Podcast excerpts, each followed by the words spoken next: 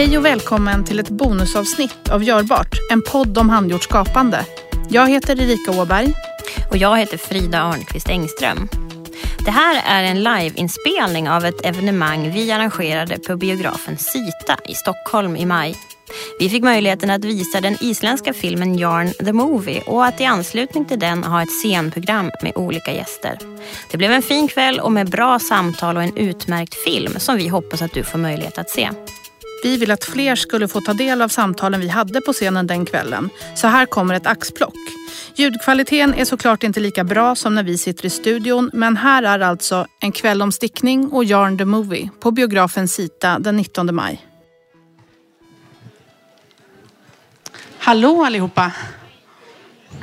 Varmt välkomna hit till Sita och till En kväll om stickning och Yarn the Movie. Ja. Ja, som vi har längtat och vi är så peppade. Det verkar ni också vara. Jätteroligt att ni är här. Det ser ut som att alla har hittat sin plats, öppnat chipspåsen, eh, tagit fram stickningen, de som har en sån med sig. Virkning ser jag några stycken också. Ja, det hoppas jag verkligen. Och det är helt okej att göra ingenting också, jag vill bara säga det. Men det kommer, under filmvisningen har vi bett om att få eh, en lite stickvänlig belysning. Men det är lite så att vi kommer eh, få ta ett gemensamt beslut sen. Eh, är det för ljust så får vi ju släcka liksom.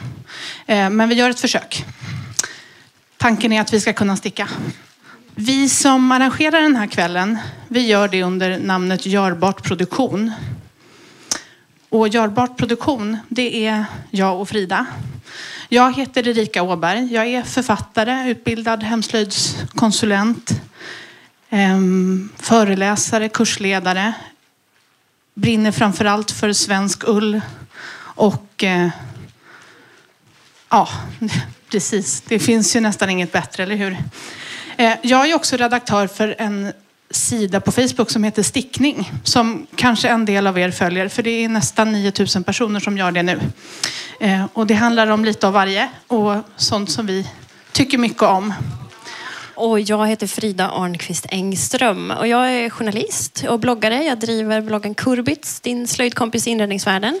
Ni kanske är bekanta med den. Jag är också författare bakom boken Grillaslöjd och jag har också hittat på själva begreppet. Så jag ägnar väldigt mycket tid åt att prata om olika sätt att förändra världen med händerna. Och det är ju lite det vi pratar om här idag också. Eh, så jag föreläser mycket och jobbar tillsammans med Erika. Vi har under ganska många år tillsammans eh, på varsitt håll och lite grann tillsammans velat skapa ett samtalsrum för att prata om handgjort skapande och slöjd oavsett vad man kallar det man gör. Eh, man kanske är en görare, man kanske säger att man pysslar, man kanske är en konsthantverkare. Men vi drivs ju av någonting och ofta så kan man känna igen varandra i det. Och, och, vi har saknat ett, ett samtalsrum där de samtalen kan få ta lite tid. Där allting kanske inte är pröva på på tre timmar. Och där det faktiskt är ett livslångt lärande. Där vi drivs av en lust och nyfikenhet som man liksom känner igen sig i när man träffar någon som också håller på, eller hur? Och det är en alldeles särskild känsla. Tillsammans så gör jag och Frida under Görbart Produktion inspirationsdagar. Vi kan göra sånt här, uppenbarligen, för nu är ni här. Och vi har eh, producerat en, en podd som eh, heter Görbart. Som jag hoppas att ni har varit i kontakt med. Det är ett avsnitt släppt än så länge och då var vår gäst eh, konstnären Silla Ramnek. Det avsnittet eh, har lyssnats på av över 5000 personer, visst är det så? Och det tyder ju ändå på att det är fler som vill föra det här samtalet och delta i det och lyssna i det. Så vi hoppas på att hitta sätt att kunna fortsätta arbeta med den här podden. Och har ni någon bra idé på hur vi kan göra det så säg till. Vi söker olika samarbeten och olika sätt att kunna fortsätta med det. För vi tror att det här är ett viktigt samtal. Och här ikväll så har vi också just samtalet i fokus. Det kommer att eh, börja om en liten stund med en del gäster här uppe på scenen. Eh, ni kommer att kunna sätta er till rätta eh, och börja som sagt handarbeta om ni vill det och lyssna på våra gäster det här samtalsrummet som Erika pratar om, det är viktigt och det tänker vi också oss att vi vill gestalta här ikväll. de som kommer att passera på scenen, det är ett antal eh, inbjudna, de kommer vi också kunna att eh, ta, ta oss an lite längre i våran podd. Det är i alla fall en önskan som vi har.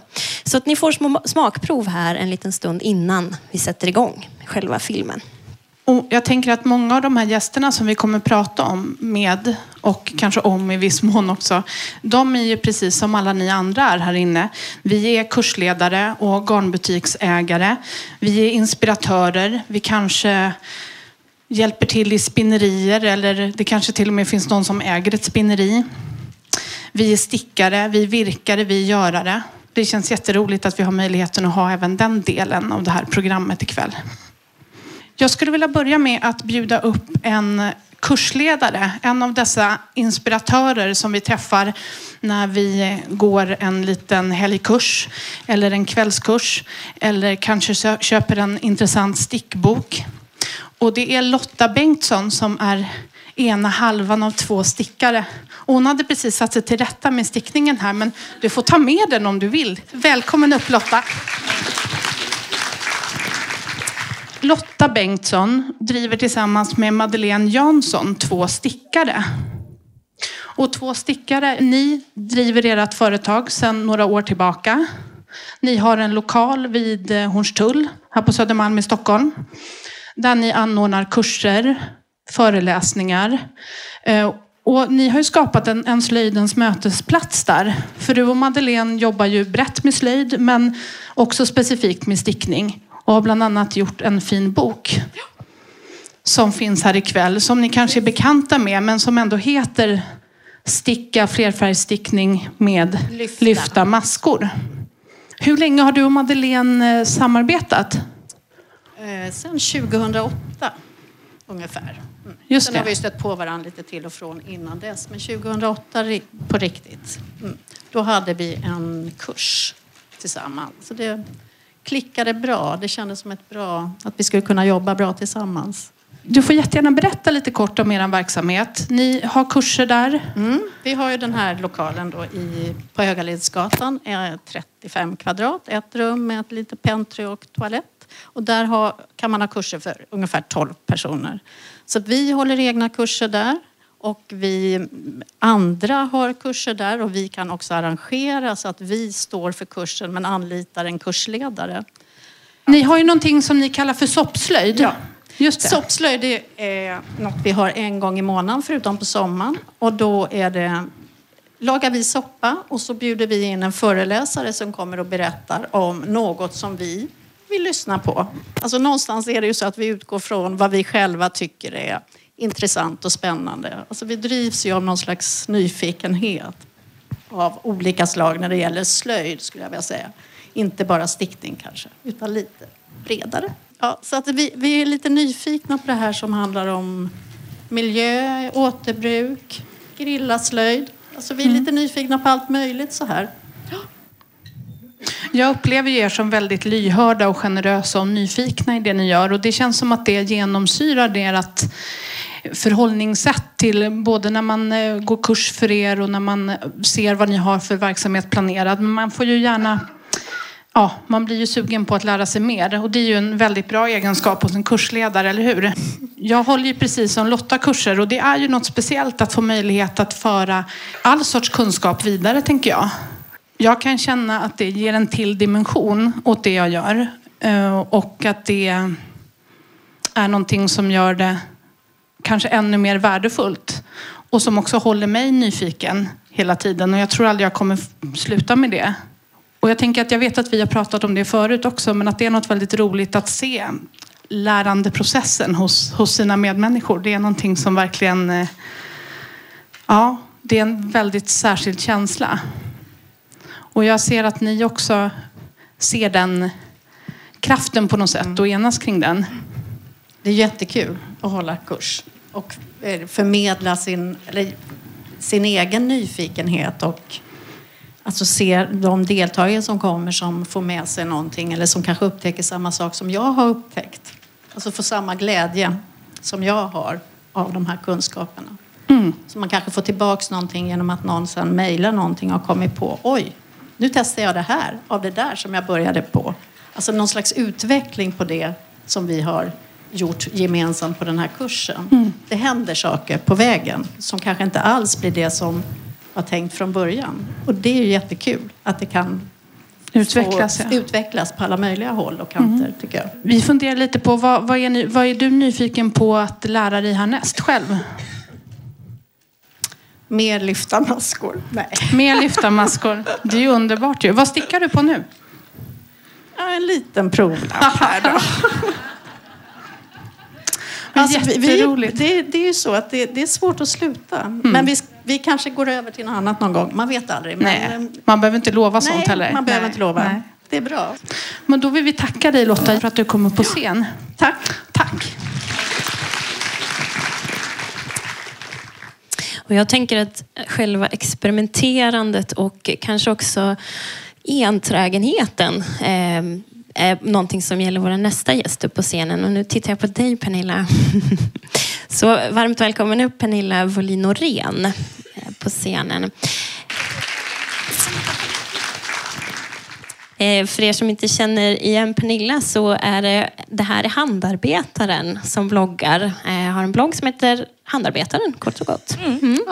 Och eh, där kan man läsa om eh, tvåenstickning bland annat. Men du utforskar många olika slöjdtekniker och eh, material. Men framförallt tänkte vi prata lite stickning med dig.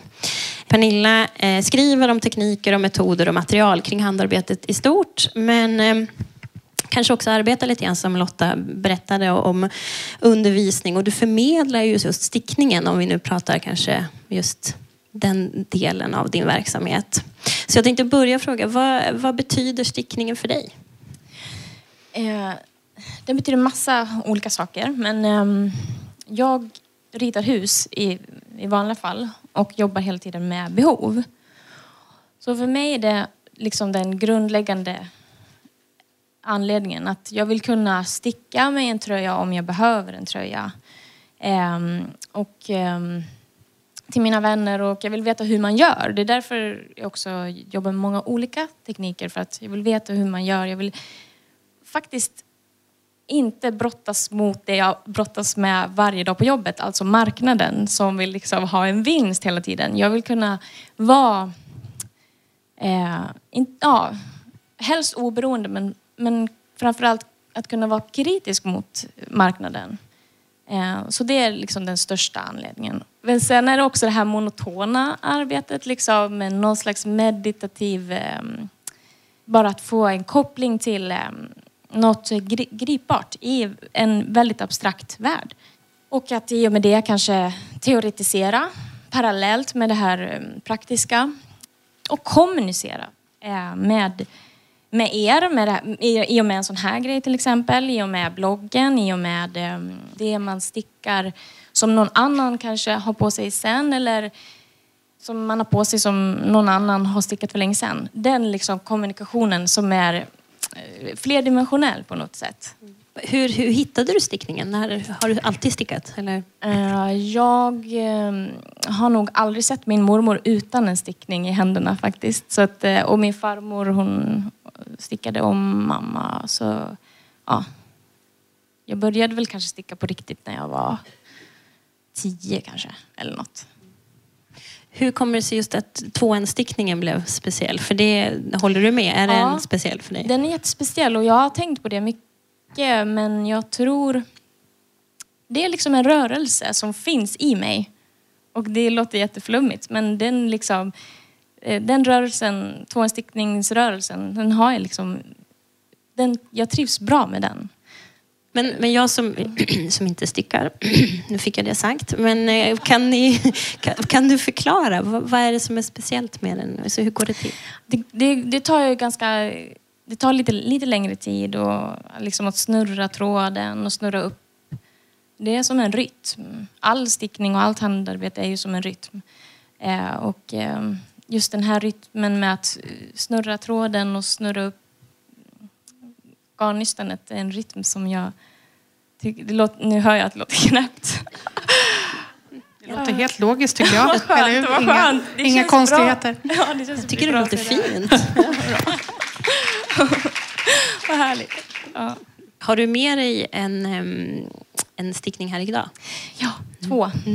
Jag förstår. Två till och med. Utmärkt. Det är en lång kväll, vet ni. Man måste ha alternativ. Du får gärna sitta kvar, Pernilla. Vi skulle vilja be Anna Strandberg precis lägga ifrån sig stickningen eventuellt, men komma upp på scen. Ja, ta med dig den om du vill. Eh, Det blir det där enhänta. Ja, precis. Välkommen hit, Anna Strandberg som driver Dandelion Yarns. Är ni bekanta med Annas butik? Ja, jag, jag berättar lite så, så får ni höra mera. För Anna, du driver ju ett företag där du framförallt färgar garn. Ja, precis. Och du håller till här i Stockholm på Gärdet Ja. och handfärgar fantastiska garner. Men som jag har förstått det så jobbar du som AD. AD eller grafisk formgivare. Ja. Precis. När var det som du startade din webbutik?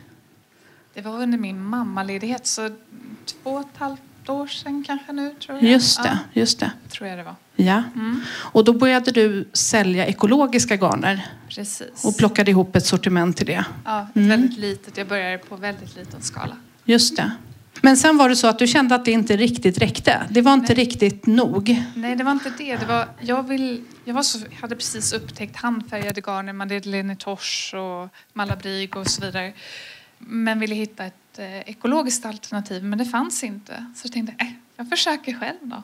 Så köpte jag in en garnbas som jag tyckte var jättetrevlig från Rosie Green Wool, eh, som är gott certifierad. Började färga och det var bara de som sålde, så det var ju lika bra att jag bara körde på det istället. Det var mycket roligare. Ja, vad innebär den certifieringen? Det är den hårdaste eh, certifieringen som finns. Ehm, Så de, för, för mig är det viktiga att fåren, att jag vet att fåren har det bra. Att de inte utsätts för mulesing eller andra hem, att de fraktas på ett hemskt sätt. Eller på, så. Jag ska inte dra upp allting men eh, det känns jätteviktigt för mig och den, den, den garantin får jag speciellt via en eh, gott certifiering. Mm. Och när du satte igång och färga, hur gick det till egentligen? Var det hemma i köket? Ja, hemma Måla i- upp en liten bild för oss här. Mm, det- är knappt att jag vågar berätta för min man att jag gjorde det i vår Det är bara vanliga- vi, kom Ja. igen. Ja. Eh, Jag gjorde det i vår vanliga köttgryta, eller vad man ska säga. Eh, Matgryta. Som man gör. absolut inte ska göra. Jag lagar mat i den fortfarande. Ehm, Snabbt började jag köpa egen gryta istället, lite större och sådär. Jag tryckte ner jättemycket garneri, en pytteliten gryta. Men, Ja, det, nu har jag gått till lite större, försöker lära mig på vägen. Vad är roligast med färgningen, tycker du? det är att blanda till nyanser. Så att jag kan nörda in totalt och färga sam, alltså varianter av en blå bara i absurdum. Så jag har hur mycket blått som helst hemma just nu. I höstas var det mintgrönt i jag vet inte hur många nyanser. Som, bara för liksom hitta rätt. Ja, det är en underbar besatthet, eller hur? Jag undrar lite grann om favoritgarner. Jag tänker, Pernilla, vad är ditt favoritgarn och varför har man det? Har du ett favoritgarn? Eh, ja, alltså det är väl ull generellt. Eh, jag tycker väldigt mycket om ull. Eh, men sen så har jag börjat eh, sticka kanske mer med växt, eh, lin och hampa och det tycker jag väldigt mycket om. Jag tycker också det är jobbigt med djuren. liksom, så man vill gärna veta att det liksom inte är de som mår dåligt för att man själv ska få sticka. Liksom. Så ja, nässelgarn skulle jag vilja testa. Och du, Anna, har du ett favoritgarn? Ja, det är en Rosie Green Ah, otippat. Men det är, det, är ju, det är ju ett väldigt trevligt garn, så är det ju. Det är vi många som tycker. Och en avslutande fråga. Vad stickar ni på? Vad stickar du just nu? Vad har du med dig här, Pernilla? Eh, en tvåhandsstickning, en, en sko faktiskt. Ett, eh, och en tröja Ah. med Vålberggarn. Som Wåhlstedts eh, garn. Roligt. Vad stickar du på? Jag stickar på jättemycket, men med mig idag har jag en Teen Gwyn av Anna Maltz ur hennes pingvinserie. Just det. Det är någon spetssak och sen så... Jag kan inte riktigt se att jag ska gå runt med den, men jag kände att jag ville sticka den. Det kan ju ofta vara två helt olika saker dessutom. Tack så jättemycket för att vi fick prata lite mer.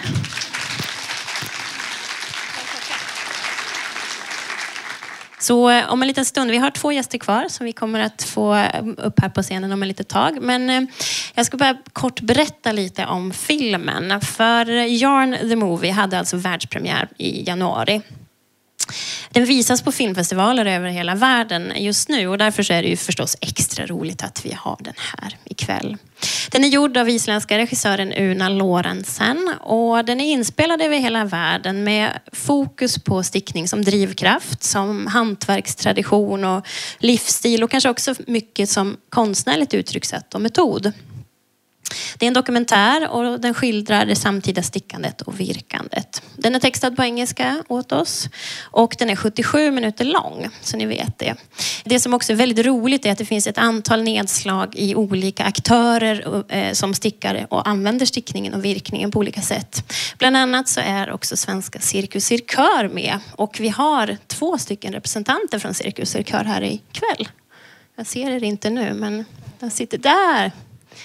Jätteroligt. Så det ska också bli väldigt spännande att se hur Cirkus Cirkör gestaltas. Garnet och stickningen och virkningen som eh, uttryckssätt är ju större än någonsin. Det, är, det här är ju tecken på det, att vi alla sitter här och vill se och prata.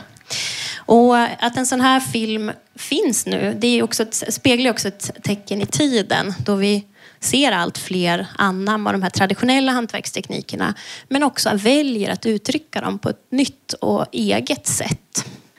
Och ikväll är vi här som kanske virkar eller stickar. Och vi är här av 140 olika orsaker får man väl säga. Med våra egna förhållningssätt till det som har med tradition och material och nytta och nöje att göra. Våra sista gäster här på scenen innan vi tittar på själva filmen är Elisabeth Bukt och Maria Uvell. Precis som många av de som medverkar i filmen tar de stickningen, virkningen och handarbetandet ut i det offentliga. De uppmanar till delaktighet, diskussion och inte minst reflektion över oss som medmänniskor och som medborgare. Välkomna upp på scen.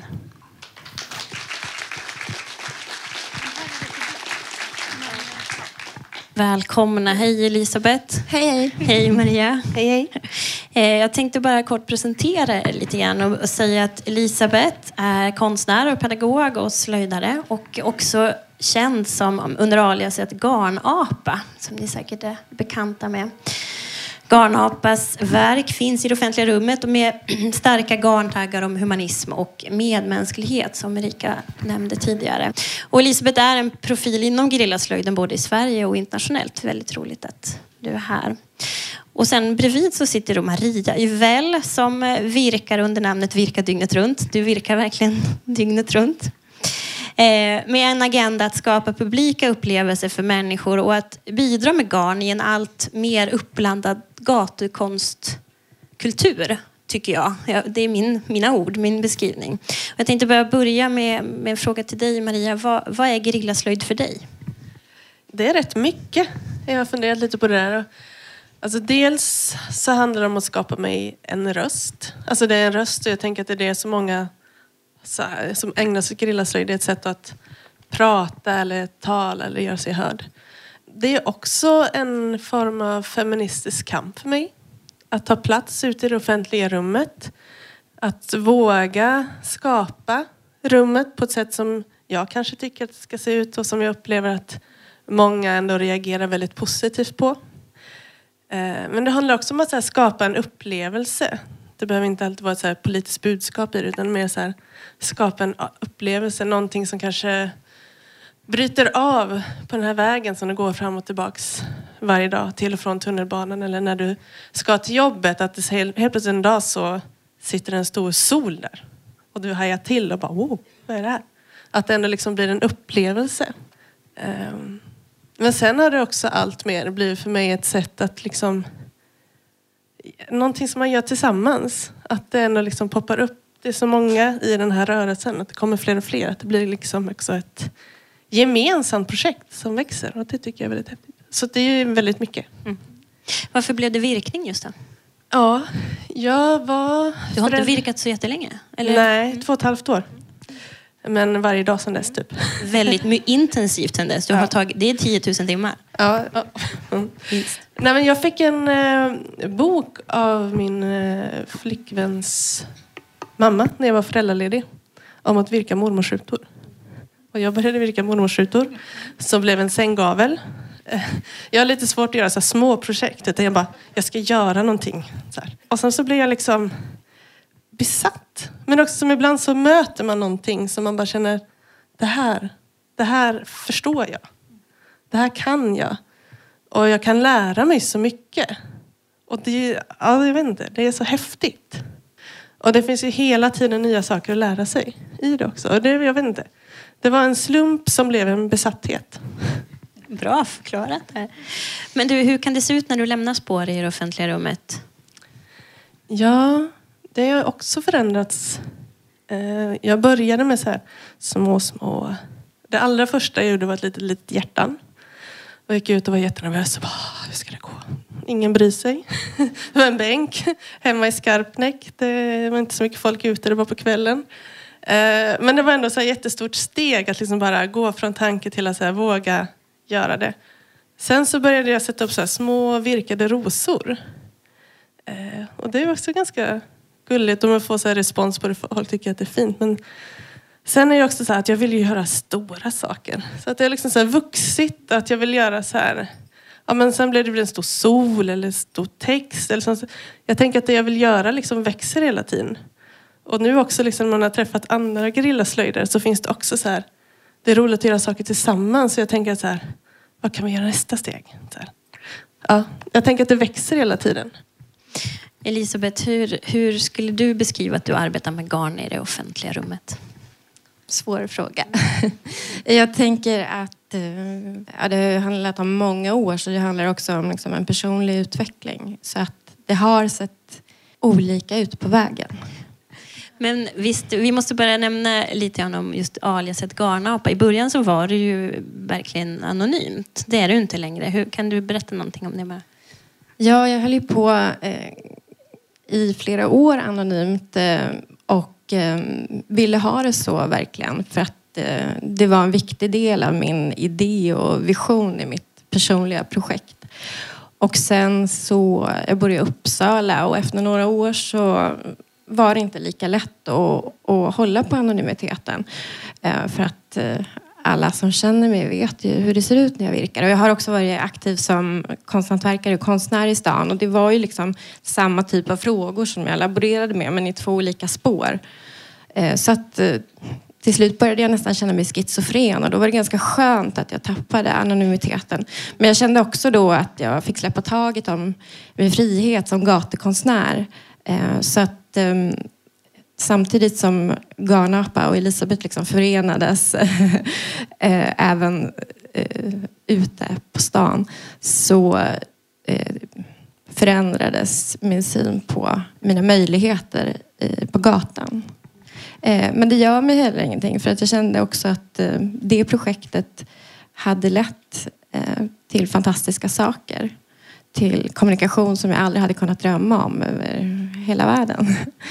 Och otroligt eh, eh, fantastiska och djuplodande samtal om eh, vad vi vill som människor och vilka vi är. Men människor i alla åldrar. Jag hade aldrig kunnat eh, ana vilka möten som garnet kunde leda till. Precis som Pernilla så använder du ju orden i ditt uttryckssätt också rent faktiskt. Att du virkar budskap eller skriver. Många av dina verk har verkligen läsbara visuella eh, innebörder. Vad betyder orden och berättelserna för dig? Det betyder eh, allt höll jag på att säga, men det gör ord och bild tillsammans betyder allt. Eh, och eh, jag tänker att eh, för mig betyder skapandet eh, ett slags, eh, ja, en andhämtning. Jag skulle inte kunna finnas utan skapandet. Det som kommer ut ur händerna handlar om allt det som bearbetas i huvudet hela tiden. Och då är ju orden och de här mantrarna som snurrar runt i allas våra huvuden gissar jag. Det är liksom en, en del av den människan som är jag. Och sen visar det sig då att vi är väldigt lika. Det kanske gäller er båda. Förändrar vi världen då med våra händer? Alla vi som stickar och virkar. Ja, det gör vi. Det handlar om hållbar utveckling. Och det handlar om eh, det här med vår samtida slöjd, om den inspirerar de unga eller inte. Det handlar om om de vågar tro på att de själva kan göra. Vi måste inte konsumera, det behöver inte som Pernilla var inne på handla om liksom konsumtion och marknad. Utan vi kan själva och vi kan använda det vi har. Vi behöver inte köpa någonting. Ja, nej men jag håller med. Alltså, det är en jätteviktig kraft. Och jag tänker bara, jag sitter och tittar ut över publiken här och det är ändå så himla häftigt att se liksom hur det rör sig överallt. För att alla sitter och stickar och virkar och att det ändå liksom det är någonting speciellt i det. Och jag vet att liksom, det finns ju överallt. Det fortsätter utanför också. Det är ett underbart ljud också. Fantastiskt. En avslutande fråga bara innan vi tackar er också. Vad stickar du just nu? Vad har du med dig här? Alltså, jag funderade lite men sen så insåg jag att jag fick lämna mitt hemma för det var så stort Nej, och det var exakt. så väldigt Ja. mycket garnnystan. Så att jag Det- tänkte att, jag vet inte. Det blir ju så ibland, ni vet den där portabla stickningen som ibland blir färdig. Så hinner man inte börja på en ny portabel och så har man en som är jättestor som man inte kan ha med sig. Jag förstår, verkligen. Du Elisabeth, har du med något handarbete? Ja, jag har en virkning som jag inte kan prata om. Sådär ja. Oh, spännande. Eh, tack så hemskt mycket. Ni får gärna inta era platser. Det ska vi Precis. också göra, eller hur? Vi, Ja. hörni, vi testar med det här med filmen och det dimmande ljuset. Ehm, för ni vill gärna fortsätta sticka och virka, förstår jag. Ja, Jätteroligt att ni är här. nu kör vi!